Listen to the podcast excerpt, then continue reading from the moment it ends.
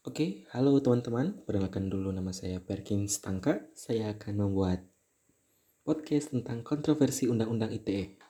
Di sini saya membuat podcast karena tuntutan tugas dari mata kuliah komputer etik. Di sini juga saya akan membahas suatu kasus tentang betapa kontroversinya ini Undang-Undang ITE. Hmm, dari beberapa kontroversi yang saya cari, saya mengambil kasusnya Prita Mulyasari. Oh, bagi teman-teman waktu masa kecil sering nonton berita bersama orang tuanya mungkin nama Prita Mulyasari ini tidak akan asing karena kasusnya ini begitu heboh pada saat itu. Jadi kasus ini sering muncul di berita-berita di stasiun TV. Saking seringnya muncul membuat banyak orang tahu tentang Prita Mulyasari ini. Oke, langsung saja kita Langsung saja saya akan menceritakan kronologi dari peristiwa tersebut. Berita Mulisari ini adalah seorang ibu rumah tangga yang berasal dari Tangerang. Pada tahun 2008, dia ini menderita penyakit beguk atau parotitis. Penyakit ini, ini tuh penyakit menular yang cukup berbahaya yang bisa bilang itu penyakit cukup berbahaya pada saat itu. Karena ini penyakit yang menular yang bisa menyebabkan rasa sakit dan bengkak di sekitar area rahang dan sekitar area telinga. Tetapi menurut rumah sakit di tempat dirujuknya berita ini, ia didiagnosis demam berdarah. Jadi pihak rumah sakit ini salah mendiagnosis penyakit penyakitnya berita karena merasa ada kejanggalan dari pihak rumah sakit tersebut. Berita Musyari dan keluarganya memaksa agar infusnya diberhentikan dan menolak disuntik lagi. Di sini terjadi antara dialog antara pihak keluarga dan para dokter rumah sakit. Omni Internasional.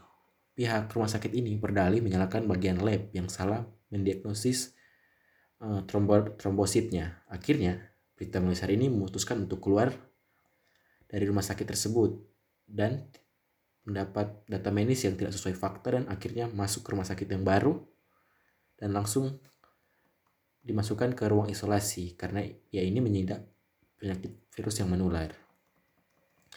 Jadi kira-kira begitulah cerita singkatnya permasalahan pihak Berita Mulyasari dan Rumah Sakit Omni International ini. Tapi itu baru awal dari permasalahannya. Belum bagian tentang undang-undang ITE-nya. Jadi selanjutnya kita masuk.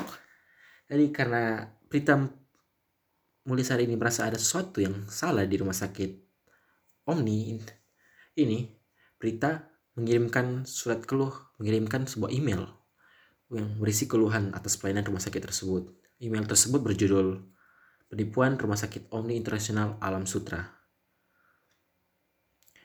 Dia mengirimkan ini karena dia merasa ada yang salah dan dia mengeluhkan pelayanan di rumah sakit tersebut. Selain meng, dia mengirimkan email ini kepada kerabat-kerabatnya dan juga kepada Bank Sinarmas dan juga ke detik.com dan tidak butuh waktu berapa lama email ini akhirnya menyebar dan akhirnya menjadi berita-berita di stasiun TV dan berita-berita di blog-blog. Akhirnya membuat nama berita naik dan membuat nama rumah sakit Omni ini jatuh karena penyebaran berita tersebut. Karena karena namanya sudah jatuh atas tuduhan tersebut ya pihak Rumah Sakit Omni Internasional ini melaporkan melaporkan berita Mulyasari ini kepada Pengadilan Negeri Tangerang. Melaporkan atas tuduhan pencemaran nama baik dan merugikan pihak Rumah Sakit Omni. Karena, karena dia digugat dengan Undang-Undang Undang-Undang ITE pasal 27 ayat 3 pasal 27 ayat 3 tentang penyebaran nama baik menggunakan menggunakan sosial media. Ia digugat sebesar 161 juta untuk membayar ganti uang uang rugi ganti rugi uang klarifikasi dan 100 juta kerugian imaterial. Jadi di sini pihak Omni meminta uang sebesar 161 juta kepada Prita karena setelah Prita mengirimkan email tersebut, pihak rumah sakit harus membuat klarifikasi agar nama mereka bisa kembali baik. Karena dia karena dia kena karena pihak Prita mendapatkan pasal 27 ayat 3 ini Undang-Undang ITE tahun 2008 dia mendapat hukuman penjara 6 tahun. Jadi karena dia kena penjara ancaman penjara 6 tahun dia langsung ditangkap, tidak menjadi tahanan kota atau tahanan rumah. Dia langsung ditangkap dan dimasukkan ke lembaga lembaga wanita yang ada di Tangerang. Pasal 27 ini mempunyai ancaman maksimal 6 tahun penjara dan denda sekitar 1 miliar.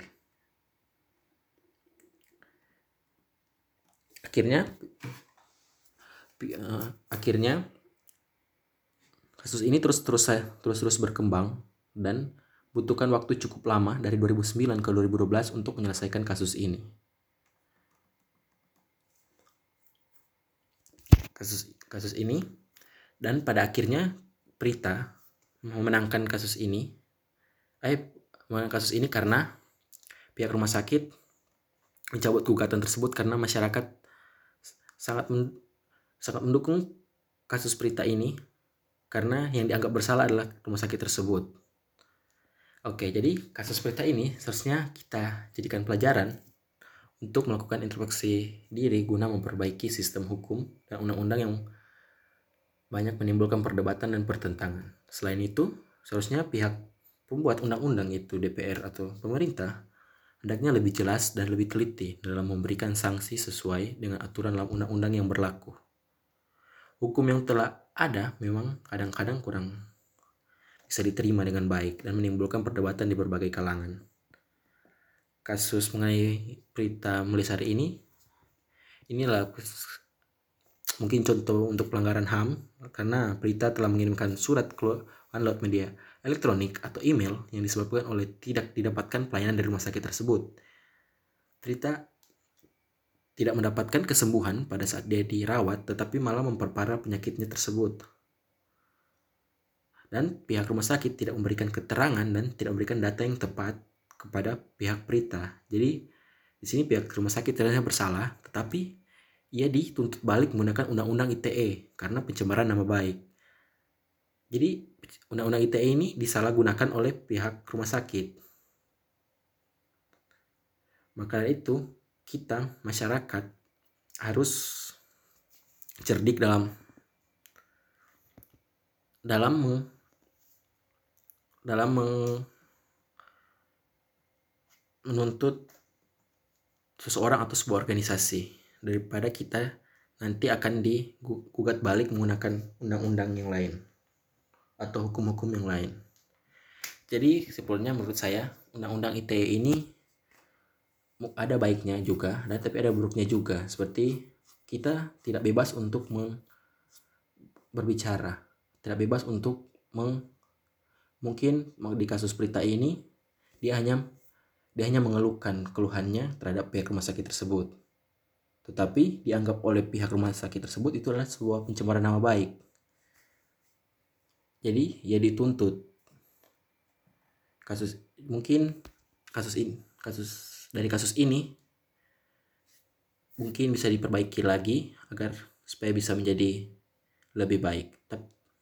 Dan akhirnya pada tahun 2000 2016 pihak pihak pemerintah melakukan perubahan pada undang-undang undang-undang ini dan kasus berita ini yang menjadi yang menjadi awal untuk membangun undang-undang tersebut.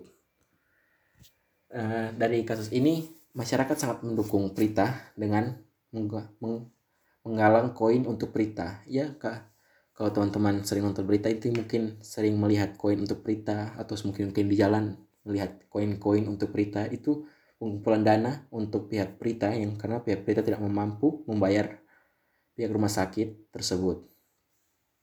Jadi para masyarakat waktu itu menggalang-menggalang dana koin untuk Prita karena begitu banyaknya begitu banyaknya dukungan untuk Prita pihak rumah sakit tersebut mencabut gugatan dan akhirnya pada tahun 2012 kasus ini bisa diselesaikan di Mahkamah Agung. Sekian dari podcast saya tentang penjelasan ini. Maaf jika salah-salah kata karena mungkin sulit untuk menyusun kata-katanya. Terima kasih.